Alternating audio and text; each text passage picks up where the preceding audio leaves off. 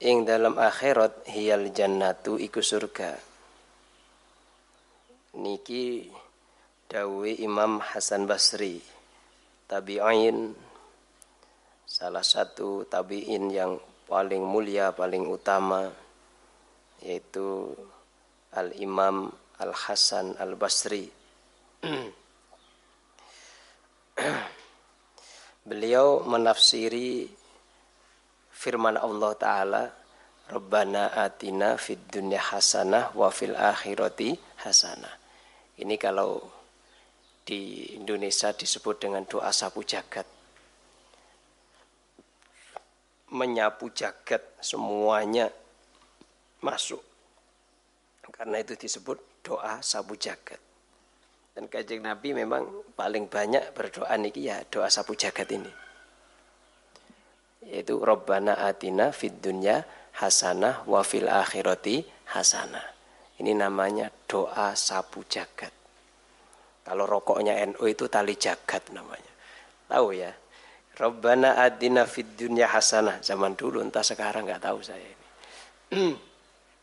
Jadi ini doa sapu jagat dan kanjeng Nabi paling suka doa ini.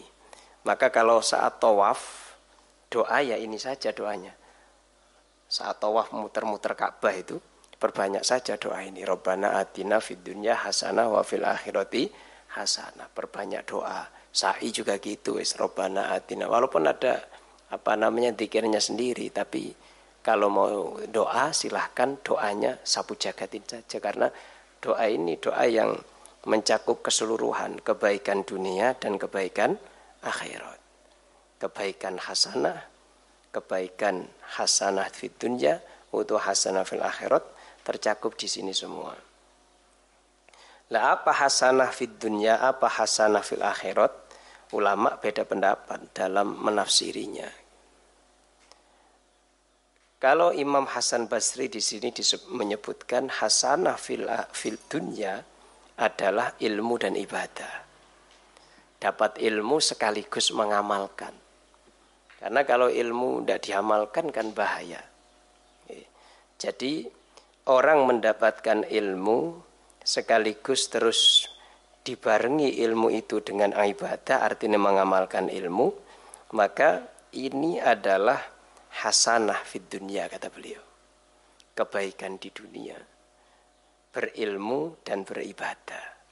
Artinya ibadah yang berdasarkan ilmu dan ilmu yang diikuti dengan ibadah. Ilmu saja tanpa ada ibadahnya yang gak manfaat namanya. Ibadah saja tanpa ilmu, ya ini bagaikan istilahnya itu melakukan sesuatu yang tidak ada dasarnya. Bagaikan membangun tapi tidak ada pondasinya, tidak ada landasannya. Bagaikan membangun di atas udara, ya tidak bisa. Harus ada landasannya supaya bisa dibangun dan pondasinya ibadah adalah ilmu. Maka ketika orang diberi ilmu dan ibadah, maka berarti dia diberi hasanah fit dunia. Kalau hasanah fil akhirat ya surga. Dan kayaknya ulama ini sepakat kalau hasanah fit fil akhirah itu surga lilladzina ahsanul husna wa ziyada. Apa husna di sini? Surga. Bagi orang yang berbuat baik, al husna. Apa itu surga? Ulama mengatakan surga, tafsir-tafsir surga. Oh, berarti husna hasanah itu surga ah, di akhirat dapat surga. Waziyadah melihat Allah Taala gitu. Itu tafsirannya hasanah fil akhirat. Wonten sing nafsiri hasanah fid dunya itu adalah anak solih. Itu hasanah fid dunya. Anak yang solih. Karena anak yang solih ini harta yang tidak ada nilainya. Orang lebih suka mendapatkan anak yang solih daripada harta yang melimpah. Kalau seandainya dia disuruh milih, milih mana kamu? Dapat anak solih, alim, melarat tapi kau punya uang seadanya, pokok cukup. Dan engkau kaya raya tapi anakmu nakal sekali. Sulit diatur. Wah, orang ini pasti milih dapat anak solih, solihah, alim, walaupun rizkinya pas-pasan. Ya biasanya begitu sih pas-pasan rizkinya ulama, rizkinya apa namanya, apa para para para pemikir itu pas-pasan. Gitu. Enggak, ya enggak kaya raya gitu enggak. Coba sampai lihat orang yang terkaya ya enggak ada yang dari ulama enggak ada. Dari pemikir enggak ada. Mereka pasti pedagang, perusahaan, ya kan toh? Itu ya terkaya di dunia itu pasti begitu. Pedagang, perusahaan. Enggak ada yang ulama terkaya di dunia. Maksudnya orang terkaya di dunia statusnya plus ulama. Enggak ada. Dan ini disebutkan dengan baik oleh siapa namanya? Ibnu Khaldun dalam Al-Muqaddimah alasannya kenapa ulama itu kok gak sugi-sugi. Cara sugi ini ya gak nemen gitu loh ya. Kenapa? Beliau sebutkan dengan bagus di sana. Silakan dibaca sendiri. Ya. Oleh Ibnu Khaldun dalam kitab beliau yaitu Al-Muqaddimah. Niku kitab bagus antik niku. Jadi anak solih, anak yang alim. Ini yang hasanah fid dunia. Jadi idaman semua orang. Anak yang bisa melanjutkan kiprah orang tua atau bahkan lebih baik dari orang tuanya. Ini jadi kebanggaan semua. Senang hasanah fid dunia. Ya. Bapaknya punya pondok tapi terus anaknya nggak bisa melanjutkan susah. Ini orang tua. Orang tua susah itu. Kayak gak dapat apa-apa. Kenapa? Ya keturunannya belum ada yang bisa melanjutkan. Enggak dapat hasanah. Maka dua wae sering-sering wae robana atina fid dunya hasanah. Hasanah fid dunya terus para ulama adalah anak yang soli.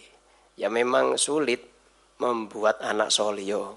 Buat ya kalau mengusahakan ya silahkan diusahakan supaya anaknya jadi anak yang soli, jadi anak yang alim, jadi anak yang berbakti kepada orang tua. Ini kan harus diusahakan, harus doa.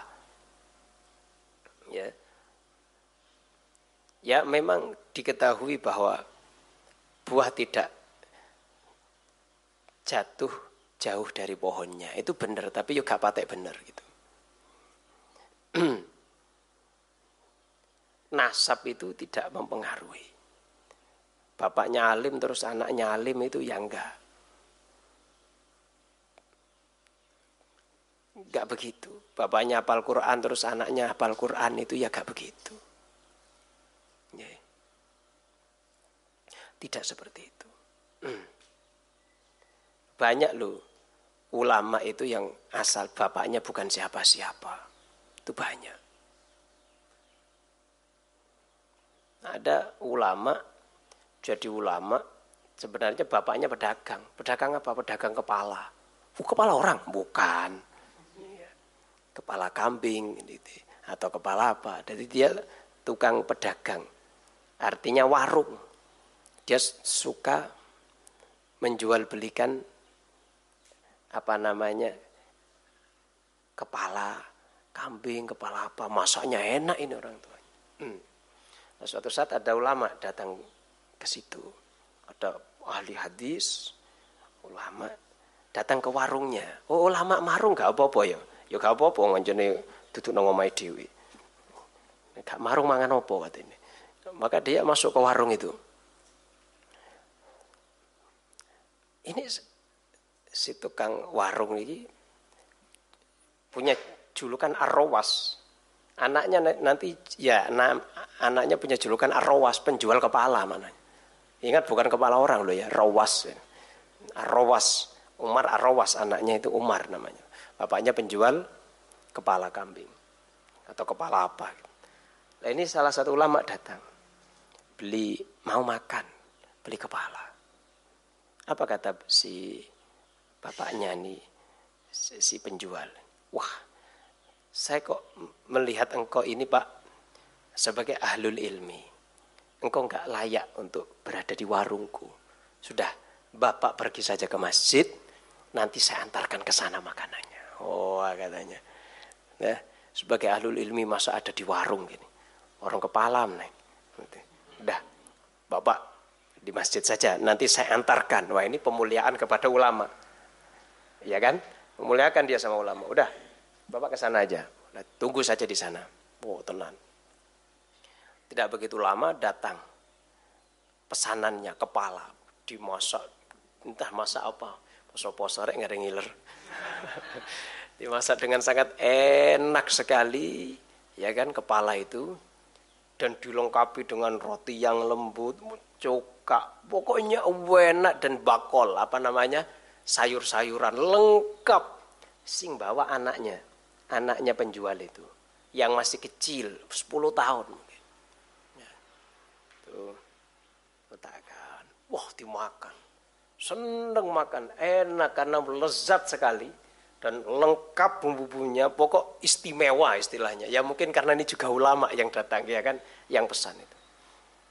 Si ulama ini merasa sangat tersanjung dan termuliakan dan sangat senang dengan hidangan yang begitu luar biasa ini maka terus dia ngomong sama penjual ini saya sangat senang dan kalau mau katanya saya ingin membalas jasa kamu ini. Anakmu akan saya bawa, akan saya ajari hadis, akan saya ajak ke para ulama-ulama supaya paham hadis. Wah silahkan, seneng. Ya. Wah ini yang kita harapkan. Udah ada bawa aja, bawa aja anak saya. Anak umur yang 10 tahun itu dibawa sama saya. Diajari sendiri hadis, ya kan? Diajak keliling dunia. Cari hadis, berjalan ke mana-mana. Bapaknya pedagang, bapaknya penjual kepala, ya kan? Tapi anaknya jadi ulama, terkenal dengan julukan Ar-Rawas.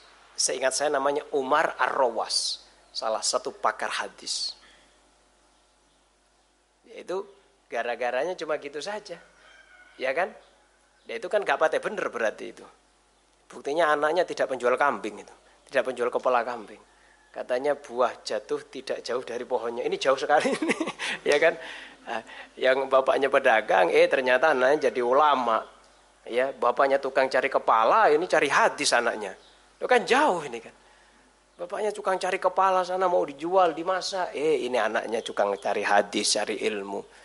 Jadi lingkungan berpengaruh ya kan. Ini bareng dengan ulama ya jadi ulama dia.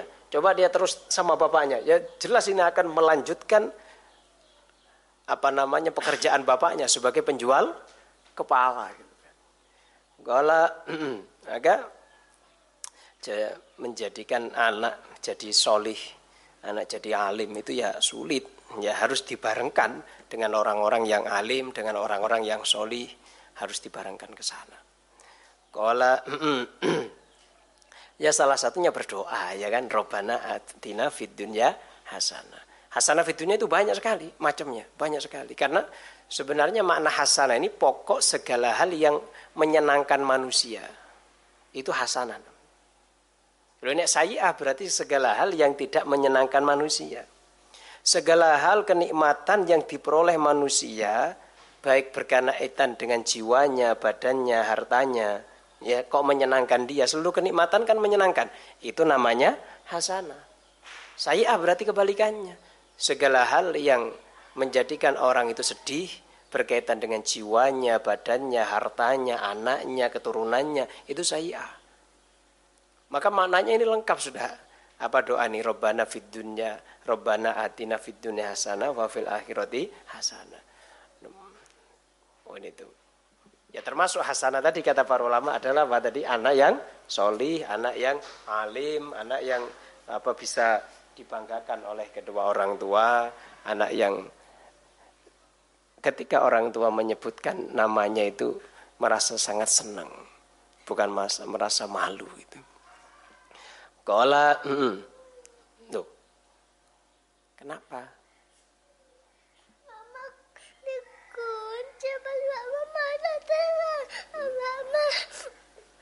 kamarnya apa terus langsung dikunci sama Mama.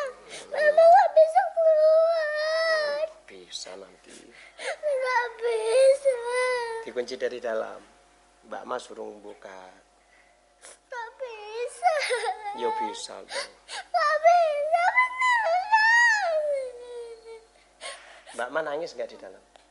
Kenapa nangis? Kayaknya dikunci. Dikunci dari dalam. Kenapa kok dikunci dari dalam?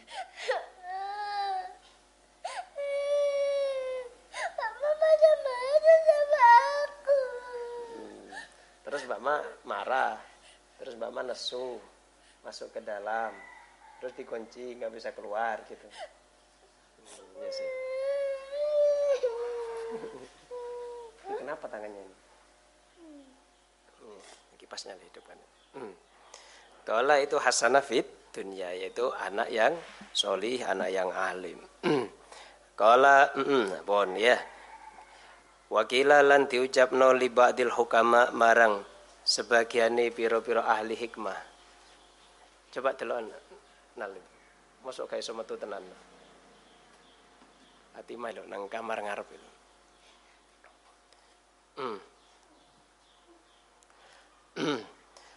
Kala wakila lan diucapno li ba'dil hukama marang sebagiane piro-piro ahli hikmah.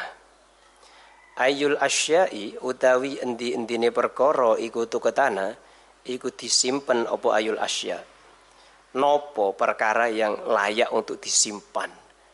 Perkara yang layak untuk kita timbun di rumah. Perkara yang layak kita simpan, kita apa namanya jaga.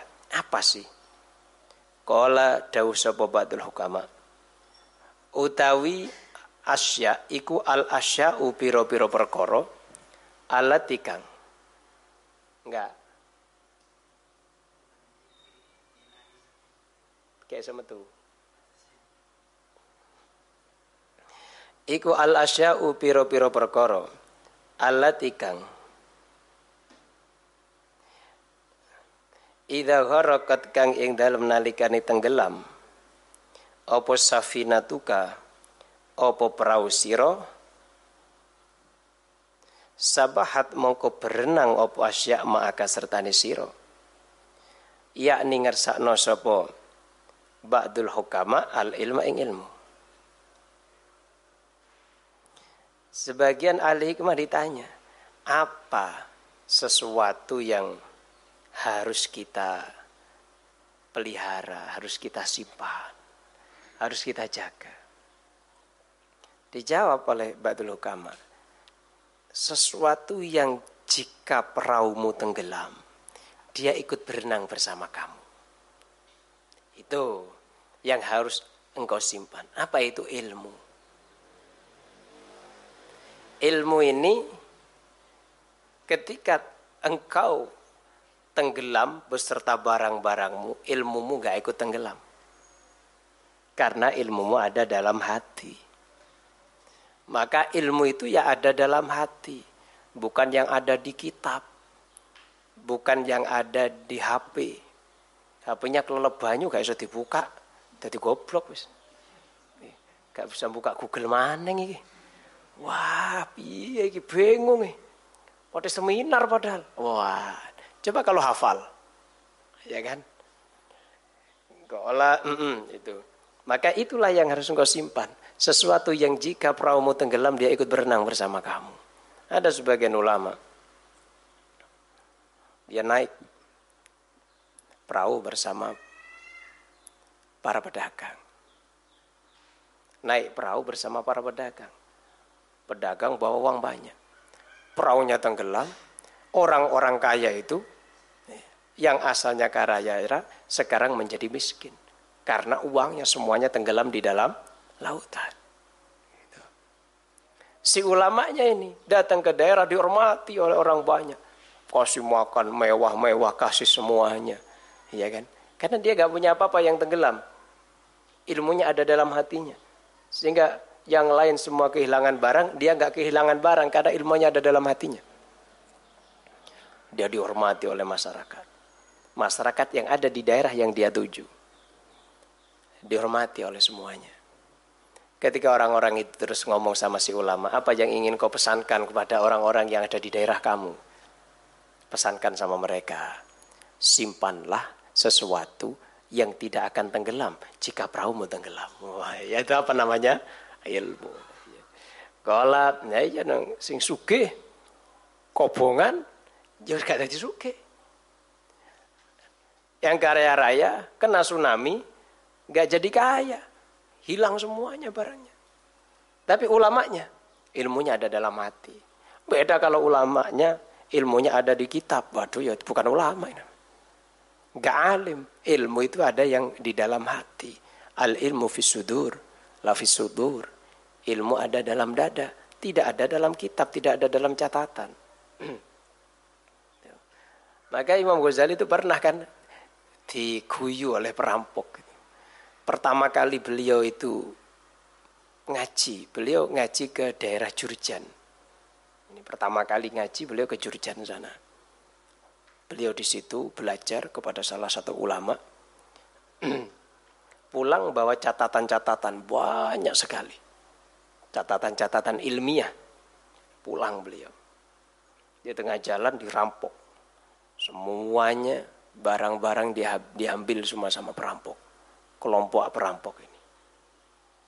Lalu Imam Ghazali ini ngikuti perampoknya. Saya minta kepada engkau kembalikan taklikotan saya, catatan-catatan saya. Apa talikon kamu katanya? Yaitu hasil saya ngaji, catatan-catatan buku-buku saya. Itu hasil beberapa tahun saya ngaji. Tolong kembalikan sama saya. Yang lain ambil sudah. Tolong ini saja yang tak dikembalikan. Katanya perampoknya sambil tertawa seingat saya. Gini kok anggap kau orang alim katanya. Sekarang catatan kamu ada tangan saya, kok goblok sekarang, nggak alim sekarang katanya. Nah, ini kau nganggap sebagai orang alim, kayak gini nih nganggap orang alim. Ha? Catatannya hilang di tangan saya, kok sekarang bukan orang alim lagi, goblok kok sekarang.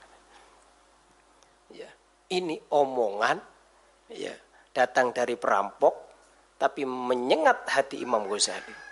Sehingga Imam Ghazali waktu itu langsung punya azam, saya akan menghafalkan catatan-catatan saya. Dikembalikan catatannya sama perampok. Yosef dermawan perampok ini. Kembalikan catatannya, nah silakan.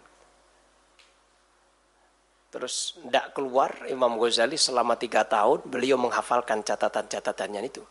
Sampai-sampai terus kata beliau, seandainya saya dirampok lagi, saya tidak akan lupa lagi apa yang sudah saya ingat katanya. Itu. Gola, nah itu baru alim, visudur, lah visudur, ada dalam hati, ya. tidak ada di dalam kitab. Makanya ini ulama kecemplung, lautan, selamat, kitabnya hilang nggak masalah, karena ilmunya tidak ada dalam kitab, tapi ilmunya ada di dalam hati. Wah, masya Allah ini angel ini. Dan memang harus dihafalkan. Kalau permasalahan-permasalahan itu tidak dihafalkan, ya bukan sakit. Makanya mari ngaji ya kudu dihafal, kudu dihafalkan isinya, kudu dipelajari, dibuka terus, ya supaya gampang di dalam kapan-kapan mau menghadirkan langsung hadir tidak perlu buka kitab lagi. Kalau itu namanya ilmu. Fisudur la sudur. Ya, ada dalam hati bukan ada dalam catatan. Kala itu nggih. Kala yakni ngersakno sapa badul hukama al ilma ing ilmu. Jadi ini jadi ilmu ini yang paling layak untuk sampean simpan karena ilmu ini tidak akan hilang. Ketika barang-barang jenengan hilang, ilmunya enggak hilang. Wakila lan diucapno ucapan aroda ngarepno sapa ba'dul hukama bigoro kisafinati kelawan tenggelami perahu halaka badanihi ing matine rusake badane wong bil mauti kelawan mati. Bil mauti kelawan mati. Halaka badanihi ing rusake badane wong bil mauti kelawan mati. Maksud tenggelam ini mati. Maknane tenggelam adalah mati.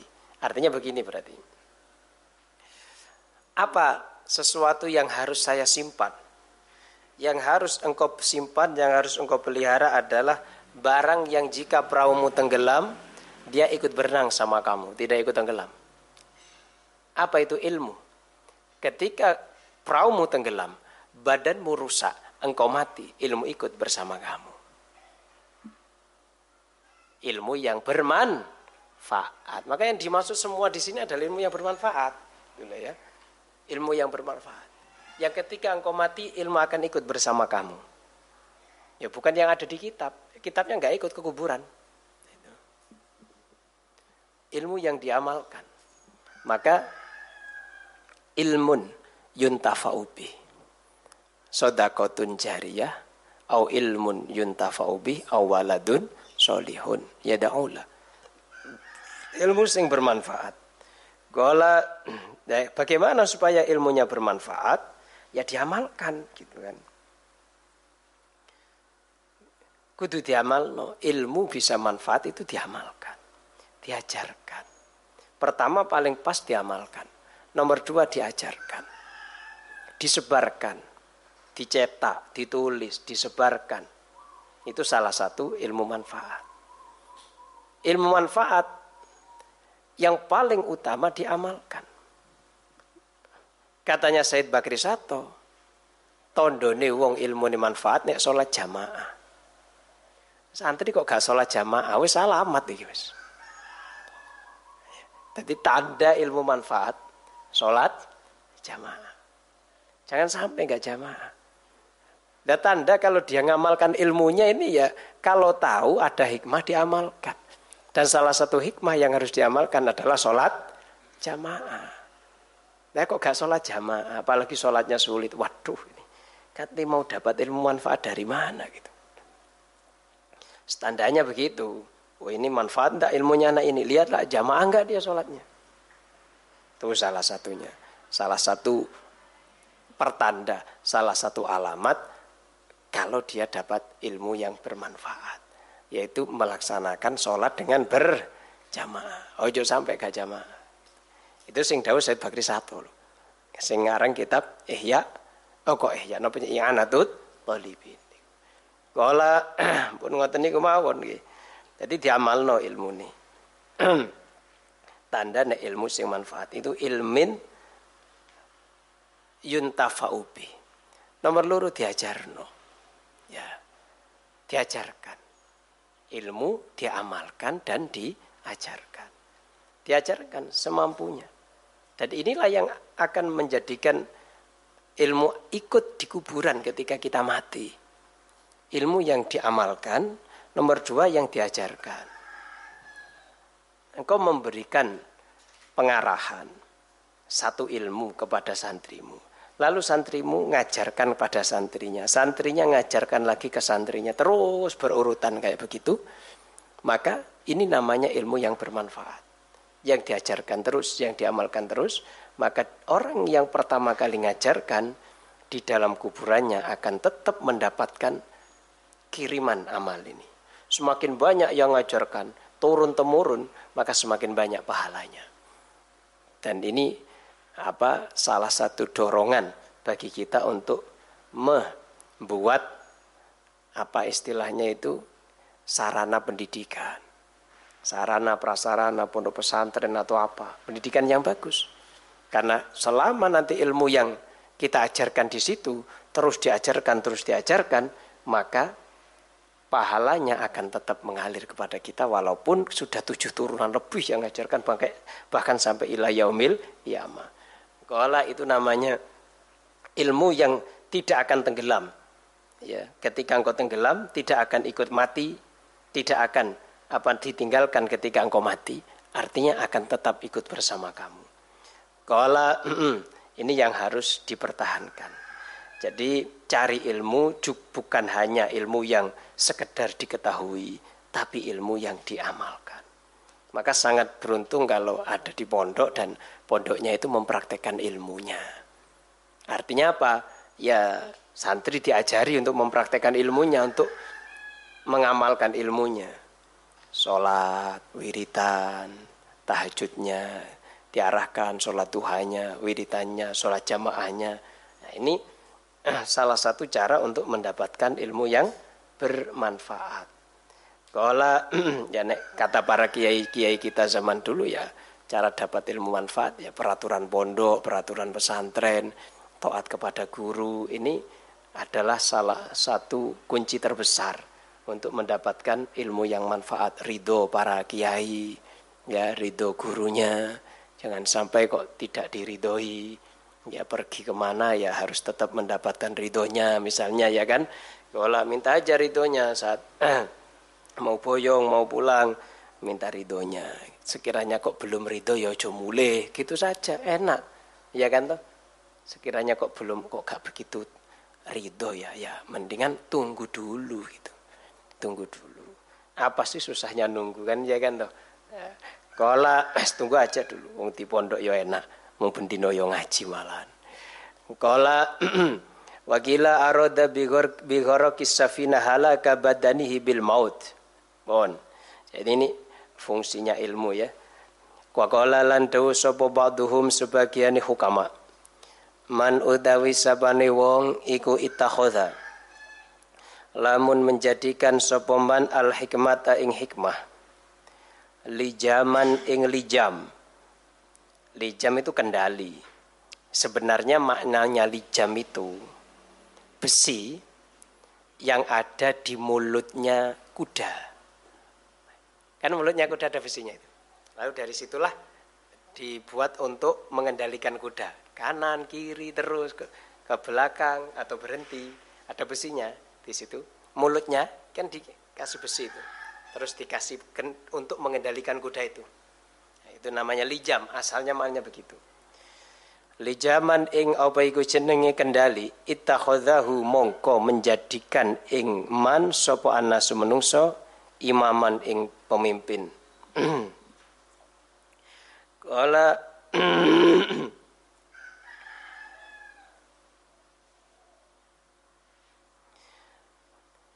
lijaman ing lijam ittakhadahu nasu imaman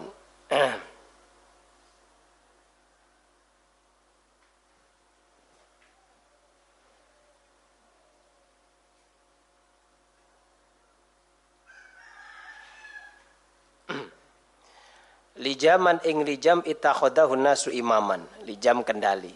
Hikmah itu asal maknanya yaitu besi itu. Besi kendali ittakhadahun nasu imaman, tapi terus digunakan sebagai ilmu yang bermanfaat. Hikmah itu artinya apa? Ilmu yang bermanfaat. Jadi ilmu yang diamalkan, ilmu yang diajarkan itu namanya hikmah. Artinya nopo nih? Barang siapa yang menjadikan hikmah ilmu manfaat sebagai kendalinya, yang mengarahkan dia ke mana saja, maka dia akan menjadi pemimpin.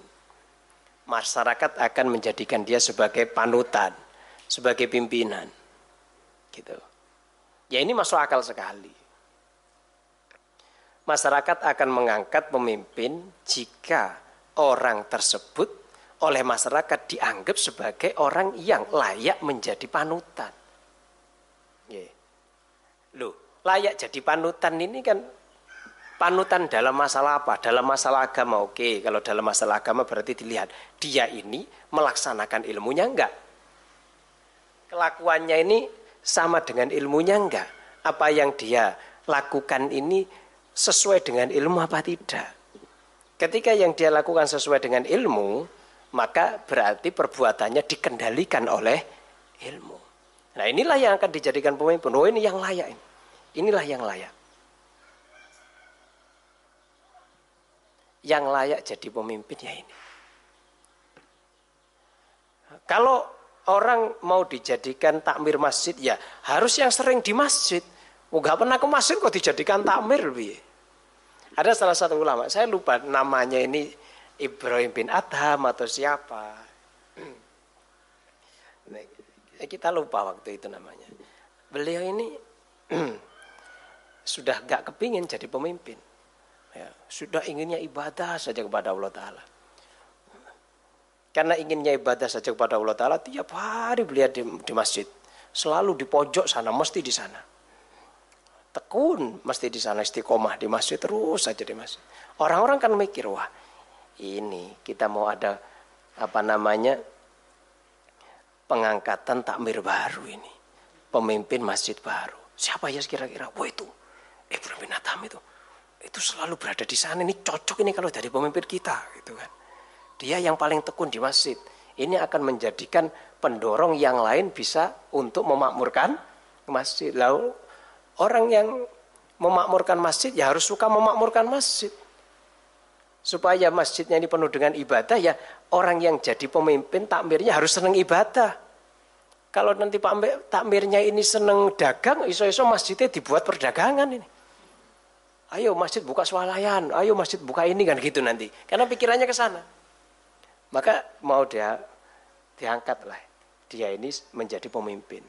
Tapi ya dia nangis ya Allah, wang saya ini ingin jauh jadi kepemimpinan kok malah mau engkau jadi diangkat jadi pemimpin katanya. Dia sudah nggak mau jadi pemimpin. Semakin mendekat kepada Allah Taala diganggu dia jadi pemimpin. Itu gangguan kadang bagi sebagian orang itu gangguan. Kayak Mbah Hamid itu semakin mendekat kepada Allah Taala banyak tamu beliau malah nggak suka. Wah ini ganggu aja ini. Ganggu munajat kepada Allah Taala. Malah mboten seneng. Nek jenengan arep-arep tamu. Iya kan. Pokok ganggu masalah wae namune. Wah nek tamune gue masalah ini ruwet nih. Kala teko-teko karo bojone. Waduh, padha ka aku wis gak gak gelem noleh. Waduh piye.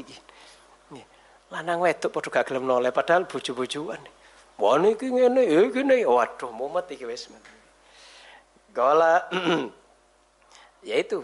Jadi barang siapa yang ingin menjadi pemimpin gampang amalkan ilmumu kau akan jadi pemimpin waj'alna lil muttaqina imama jadi pemimpin orang takwa kalau dia takwa. Masa jadi pemimpin orang takwa kok dia nggak bertakwa kan yang nggak mungkin kan gitu. Kalau bon, gampang kami jadi pemimpin, amalkan ilmunya. Lalu ngamalkan ilmu ini sing angel. Neng golek ilmu itu gampang, tapi nek sing ngamalkan ilmu itu sulit. Kalau waman urifa bil hikmah la hadatsul uyunu bil wakor waman lan utai sabane wong. Urifa iku lamun dikenal sapa bil hikmati kelawan hikmah ilmu sing manfaat ya.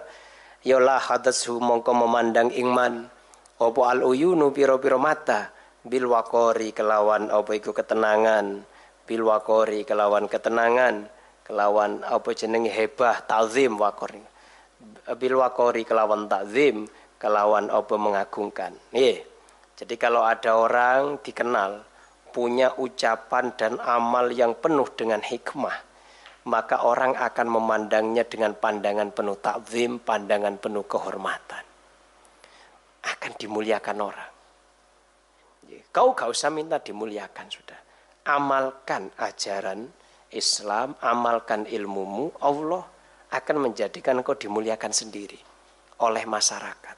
Allah akan menjadikan kau diagungkan orang mandang kamu segan. Gak kira orang akan mengajak kamu ngelakoni maksiat segan. Sampai diajak koncone maksiat iki krana sampean wis gak ketok ngindari maksiat. Coba sampean biasa sholat, biasa ngaji. Masa temanmu sih yang ngerti kau biasa ngaji? Ayo, ayo, main PS yuk, mpomo. Ayo, ayo, ngombe yuk. Kan gak mungkin. Pacaran yuk, pacaran yuk ayo terno aku aku kate gue nih pacar gue ayo terno gue kan gak mungkin pasti sing dijak iki sing gak pate beres-beres sing ketok gak pate tenang gak pate anteng gue sing diajak Gola nek sing ketok hikmah nglakoni ilmu man urifa bil hikmah ya lahadat sul uyunu bil wakor Wong kate ngajak maksiat iku ya pikir-pikir sing diajak iki kira-kira gelem apa enggak kan ngoten niku nggih. Didelok dhisik. Kira-kira gelem gak ya. Ketika engkau tidak menampakkan pengamalan terhadap ilmu, maka orang tidak akan segan ngajak kamu ngelakoni maksiat. Tapi ketika engkau menampakkan pengamalan terhadap ilmu yang engkau miliki, maka orang mau ngajak kamu itu segan mikir-mikir. Kata ngajak kamu melakukan apa namanya ketidakbenaran, ini pikir-pikir itu. Bahkan kalau mau ada kemaksiatan jamaah, engkau mungkin gak akan diundang. Misalnya mau ada apa gitu. Mau melakukan trik-trik yang istilahnya itu kotor misalnya. Dan kau terkenal orang yang lurus ngamalkan ilmu, kau nggak akan di, diundang dalam pelaksanaan trik kotor itu. Wah, ojo ngundang iki. Gak tadi kok iki. Wah, kayak kata nih. Mergane apa? Wah, ini terkenal lurus orangnya. Gak bisa diajak kompromi kalau masalah kayak gini. Yang begini nih loh, yang harus kita pegangi. Sampean amalkan ilmunya. Orang tidak akan mau ngajak sampean melakukan kemaksiatan. Orang tidak akan mau ngajak sampai melakukan dosa. Jadi ketika teman kamu, teman akrab kamu, teman yang tahu sama kamu, kok masih ngajak sampean ngelakoni dosa, berarti memang sampean itu perbuatannya tidak mencerminkan orang apik. Buktinya sih dijak ngelakoni dosa. Beto nek sing ngajak niki gak tau sampean beto niku. Jadi orang sepondok ya teman sudah biasa gaul, kok ngajak ngelakoni maksiat? Ini berarti sampean iki sing gak patek nyekeli agomone, gak patek ngamal no ilmu nih. Tidak begitu mengamalkan ilmunya sehingga orang tidak segan. Kalau ngamalkan ilmunya pasti segan, tidak akan tidak. Gak akan tidak. Kalau engkau terkenal gitu, nggak mungkin ada orang narik sumbangan ke rumah kamu. Buat apa ini sumbangan? Wah, ini buat dangdutan pak oh nggak mau nggak berani mereka datang ke rumah kamu narik sumbangan untuk kayak gituan mau joget-jogetan ini pak udah mungkin kok narik sumbangan nggak berani ngajak kamu ke maksiatan orang akan takzim orang akan menghormati jika engkau melaksanakan ilmu hikmah itu ilmu yang bermanfaat yang diucapkan dan diamalkan itu namanya hikmah.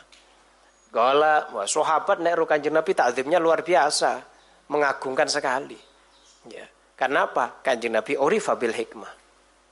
Kanjeng Nabi diketahui orang yang paham hikmah melaksanakan ilmu yang manfaat. Hmm, bon, itu ya.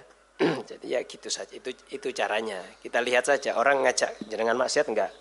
Ngajak jenengan maksiat berarti sampai itu belum api belum orang yang baik. Saman kok diajak korupsi misalnya. Oh berarti orang-orang ini masih nganggap sampai itu gelem korupsi gitu. Gurung dianggap wong apik, gurung dianggap wong soleh. Ayo ayo ini mau anu, kita korupsi yuk. Sampai jadi anggota DPR, diajak tanda tangan ngalakoni korupsi. Berarti sampan ini memang belum terkenal, belum diketahui sebagai orang yang solih.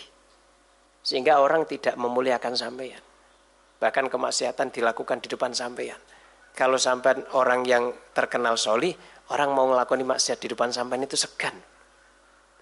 Ojo iki rek gak penak. Kala pun nggih.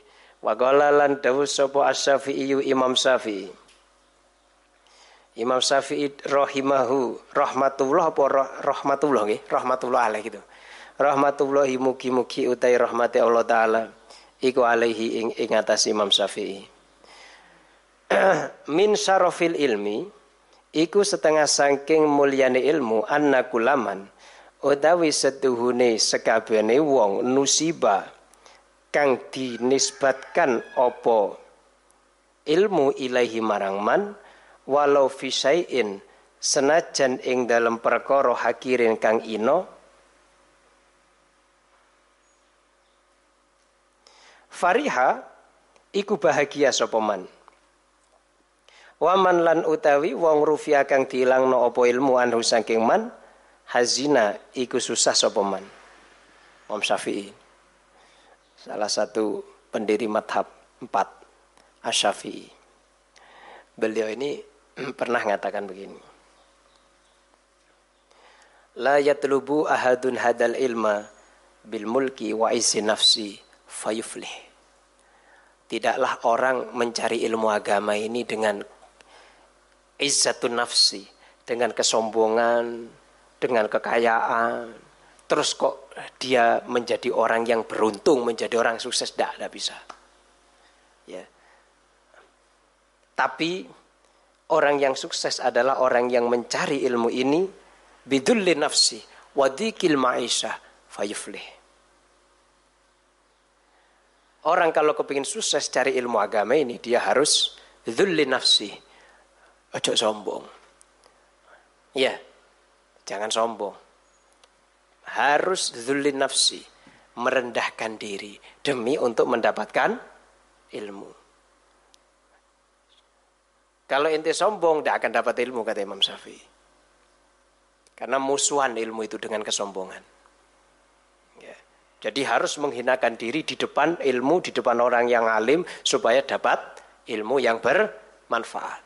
Itu baru dapat ilmu, baru sukses. Kalau sombong ya nggak mungkin akan dapat ilmu. Ada ulama datang nggak mau ngaji sama dia. Nganggap wah itu siapa? Nah gitu. Wah aku mondok pirang-pirang tahun.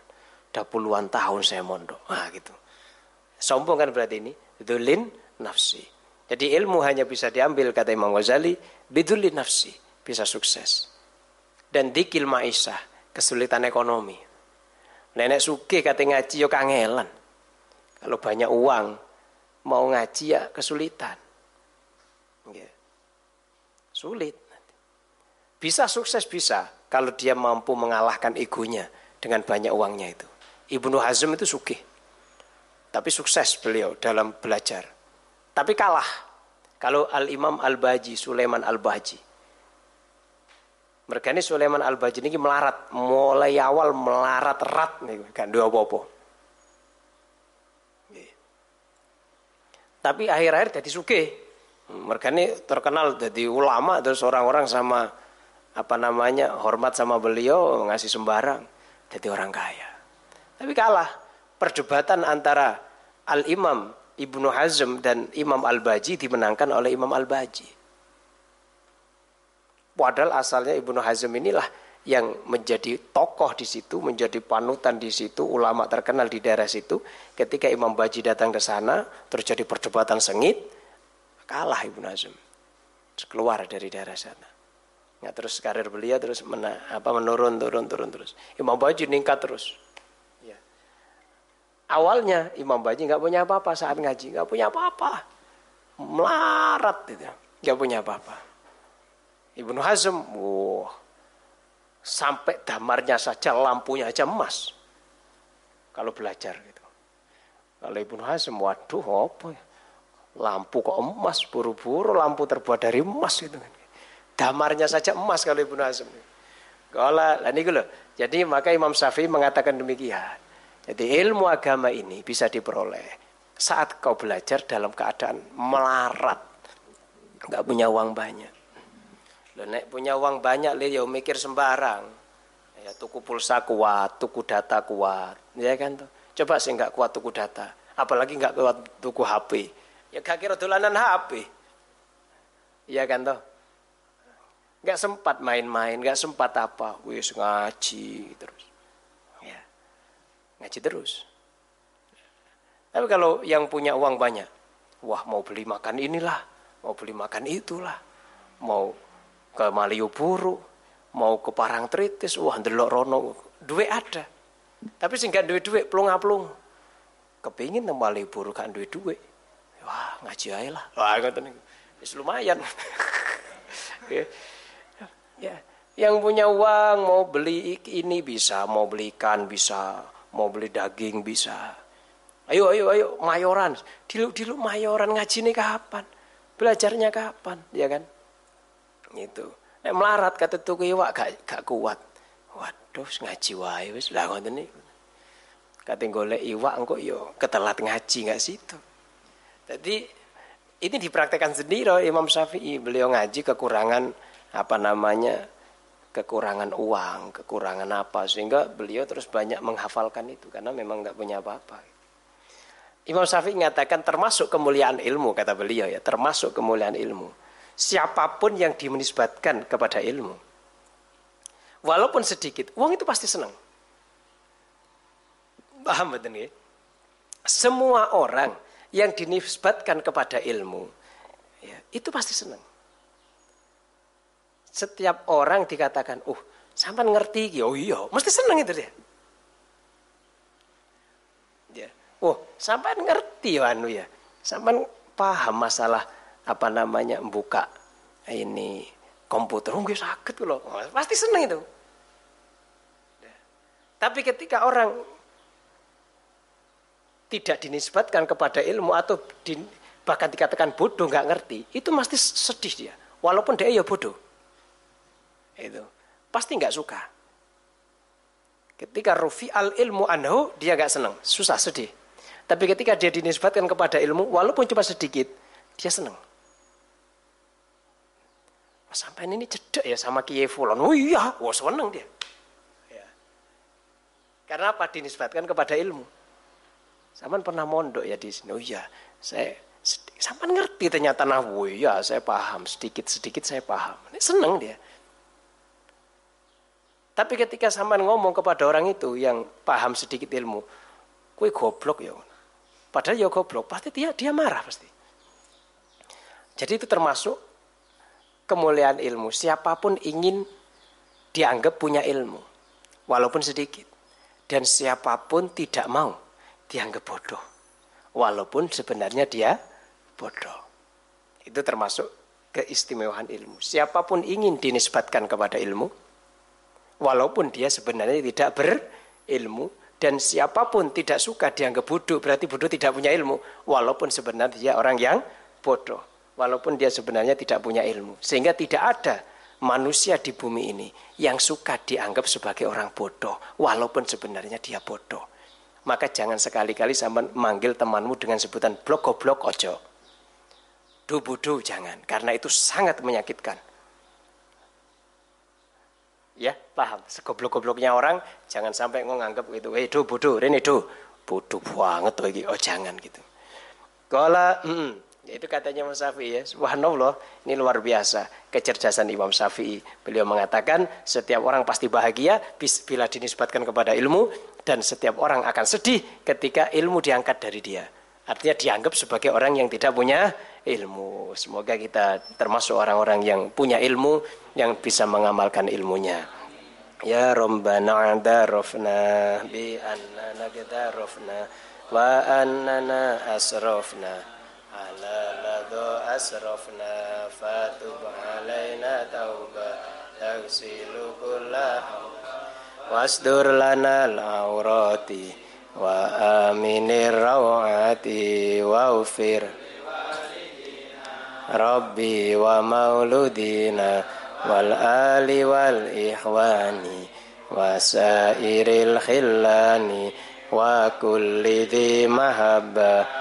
sairil khillani wa kulli dhi mahabba ujiratin au suhba al muslimina ajma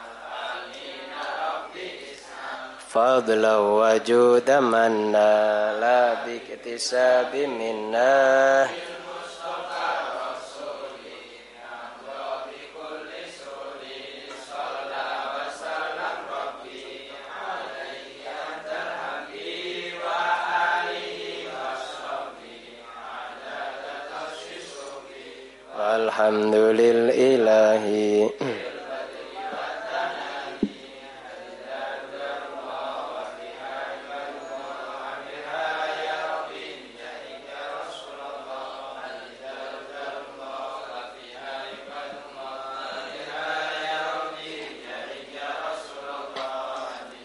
دار الله وفيها عباد الله يا ربي sebelum kita tutup, ini kita baca doa khutmil Quran untuk khataman yang dilakukan oleh teman-teman BEM IIK An-Nur. Sebelum itu ada beberapa apa permintaan doa. Pertama dari saudara kita Arfa Fausta sedang sakit kanker tulang. Semoga segera diberi kesembuhan oleh Allah Ta'ala. Nomor dua, untuk Ibu Nuriana Susanti.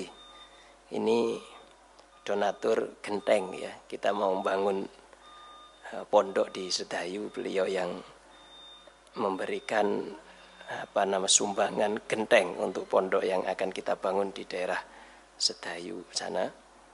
Ini beliau pengusaha kos dan ruko. Kita doakan semoga usaha beliau diberi kelancaran oleh Allah Ta'ala dan pahalanya apa semoga terus mengalir usaha-usahanya diberi kelancaran oleh Allah Ta'ala dan semoga diberi keberkahan keluarganya dan seluruh rizkinya seluruh usahanya sama Allah Ta'ala diberi keselamatan lancar dan berkah ala diniyah wala kulli niyatin sholihah bi barakatil fatihah A'udzu Bismillahirrahmanirrahim. Alhamdulillahirabbil alamin. Arrahmanir rahim maliki إياك نعبد وإياك نستعين اهدنا الصراط المستقيم. صراط الذين أنعمت عليهم غير المغضوب عليهم ولا الضالين. آمين. Bismillahirrahmanirrahim. Allahumma rabbana ya rabbana taqabbal minna innaka antas samiul alim wa tub alaina innaka antat tawwabur rahim. Wahdina wa waffiqna ilal haqqi wa la sirati mustaqim bi barakati khatmil Qur'anil azim wa bi hurmati habibika wa rasulikal karim wa anna ya karim wa anna ya rahim wa fir lana dhunubana bi fadlika wa karamika ya akramal akramin wa ya arhamar rahimin. Allahumma zayyinna bi zinati khatmil Qur'an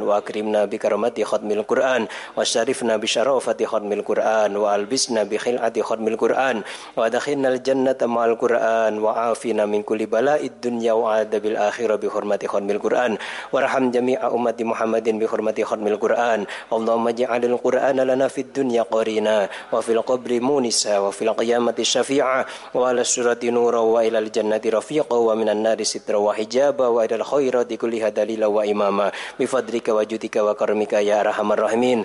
Allahumma rizqna bi kulli harfin minal Qur'ani halawah wa bi kalimatin karamah wa bi kulli sa'adah wa bi suratin salamah wa bi kulli juz'in jazaa wa sallallahu wa alihi ajma'in at-tayyibin at-tahirin. Allahumma jansur sultanana sultanal muslimin wansur wuzara'ahu wa bukala'ahu wa asakirahu ila yaumiddin waktu bisalamata wal alaina wa ala al-hujjaji wal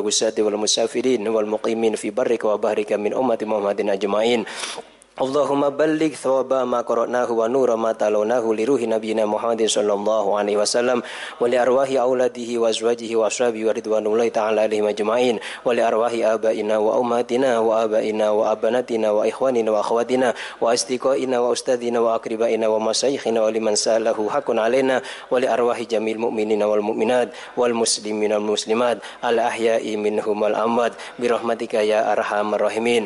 Allahumma ya Allah bi barakatil Quran wa bi barakati khalqil Quran. Inna nas'aluka ya Allah ilman nafi'a wa qalban khashi'a wa rizqan wasi'a halalan thayyiba waqdi jami'a hajatina waqdi jami'a hajatina waqdi jami'a duyunina. Allahumma shfi arfa fausta bin surya ya Allah. Allahumma barik Allahumma barik Allahumma barik. Ibu Nuriyana Susantina ka'ala kulli syai'in qadir. Bil ijabati jadir wala haula wala quwata illa billahil alil azim wa sallallahu ala sayyidina Muhammad wa alihi wa sahbihi wasallam walhamdulillahi rabbil alamin sirrul fatihah Bismillahirrahmanirrahim Ya na'udhu ya nasta'inu